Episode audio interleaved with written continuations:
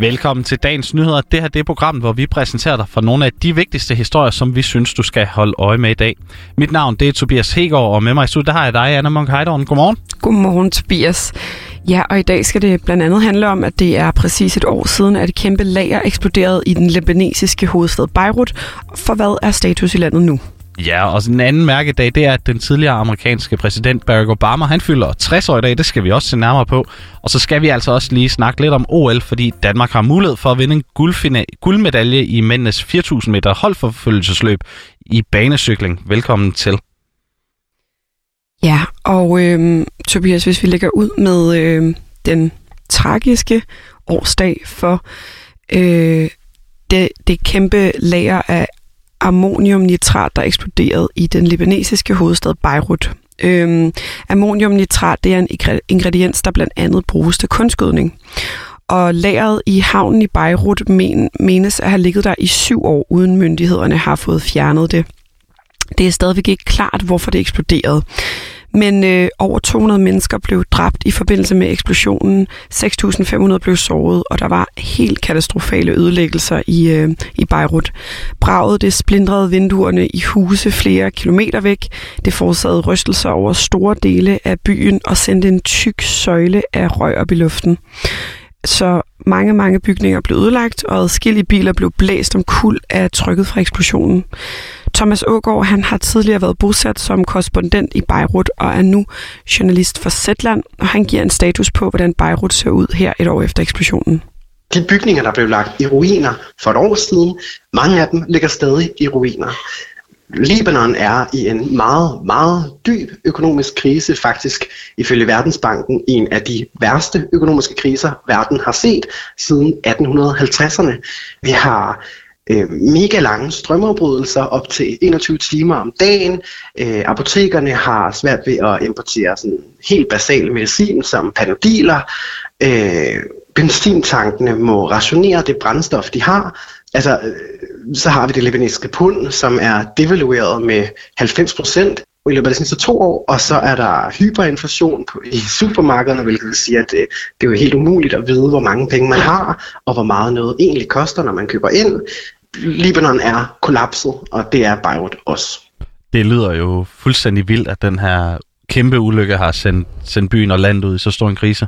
Det er, det er helt ufatteligt, og den her voldsomme eksplosion kommer endda på et tidspunkt, hvor Libanon i forvejen var præget af den værste økonomiske krise i årtier, og det udløste også massive demonstrationer øh, mod regeringen.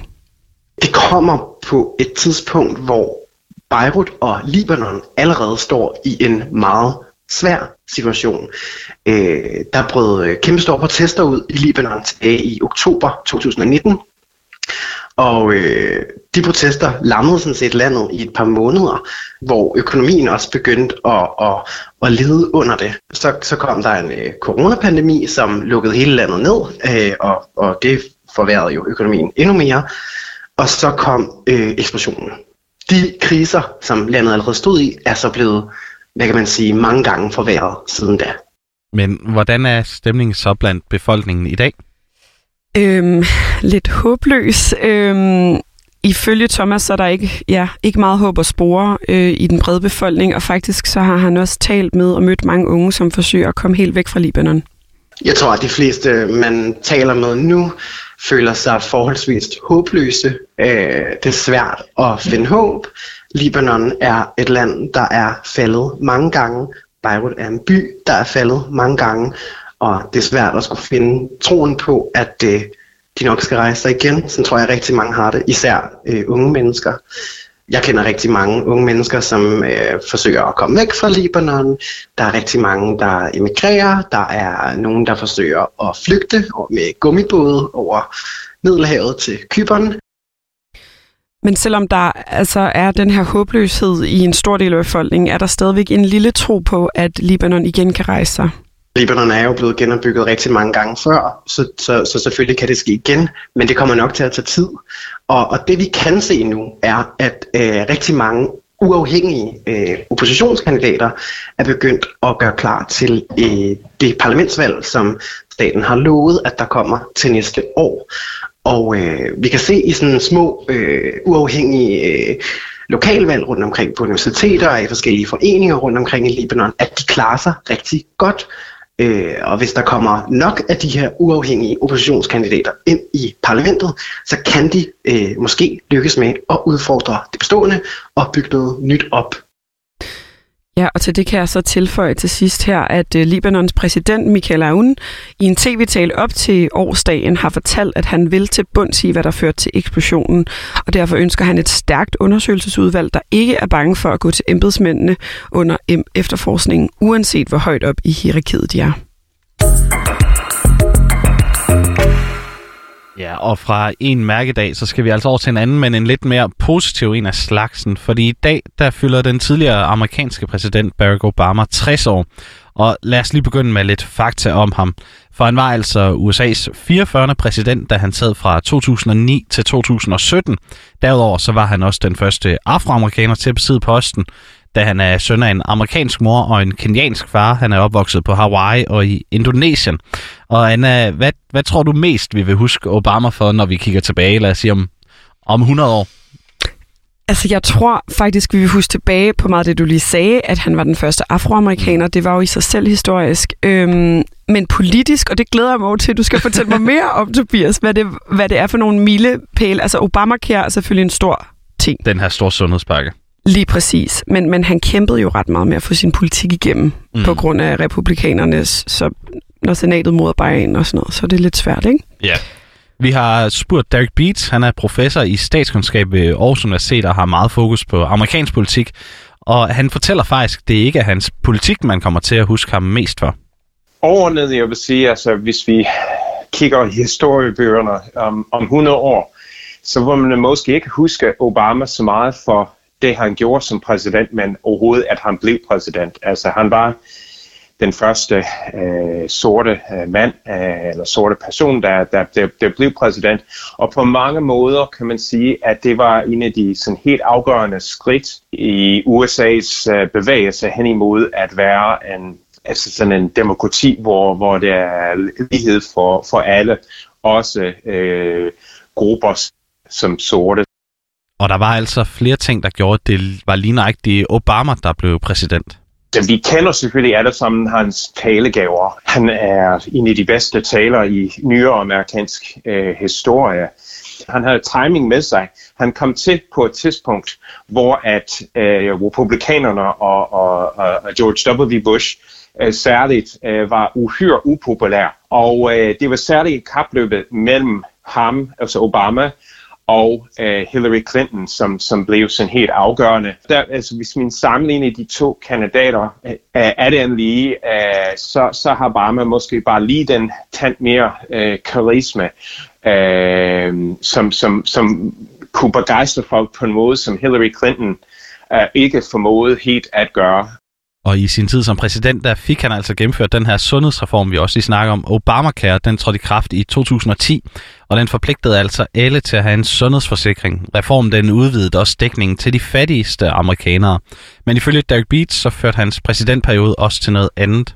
Man kan sige, at altså igen måske om 100 år, så, så vil vi også trække en tydelig linje fra øh, valget af Barack Obama og otte år som præsident, og så den stigende øh, fremmedhed i USA og, og særligt den hvid nationalisme, som, som øh, var en medvirkende årsag til, at Donald Trump blev valgt øh, som, som præsident. Altså at Make America Great Again var, var også sådan lidt, en, lidt af en, man kan, kan læse af mange øh, som Make America White Again. Ikke? Altså at, at vi skal tilbage til de gode gamle, øh, det vil sige hvide herredømme øh, i USA. Og normalt så er det jo kutumen, at en tidligere præsident ikke blander sig for meget i den politik, som bliver, født efter, bliver ført efter ens egen periode er overstået.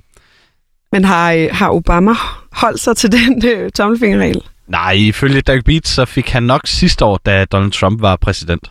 Tidligere præsidenter, øh, hvis ikke de flørter med at blive præsident igen, så er de latter irrelevant. Og det er faktisk også kutume, at de faktisk forholder sig helt neutrale og holder sig langt væk fra øh, politik. Men der fik Obama øh, nok øh, sidste år, øh, og det var særligt omkring både håndtering af Trumps håndtering af coronakrisen, som Obama øh, viste sig at være meget kritisk over for, og ligeledes øh, hans, øh, Trumps håndtering af hele den der øh, Black Lives Matter, og der meldte Barack Obama ind i sådan en mere politisk kamp og, og blev sådan en, en, en ret markant stemme i den kritik og også støtte af Black Lives Matter og, og hele sagen omkring uh, politivold osv.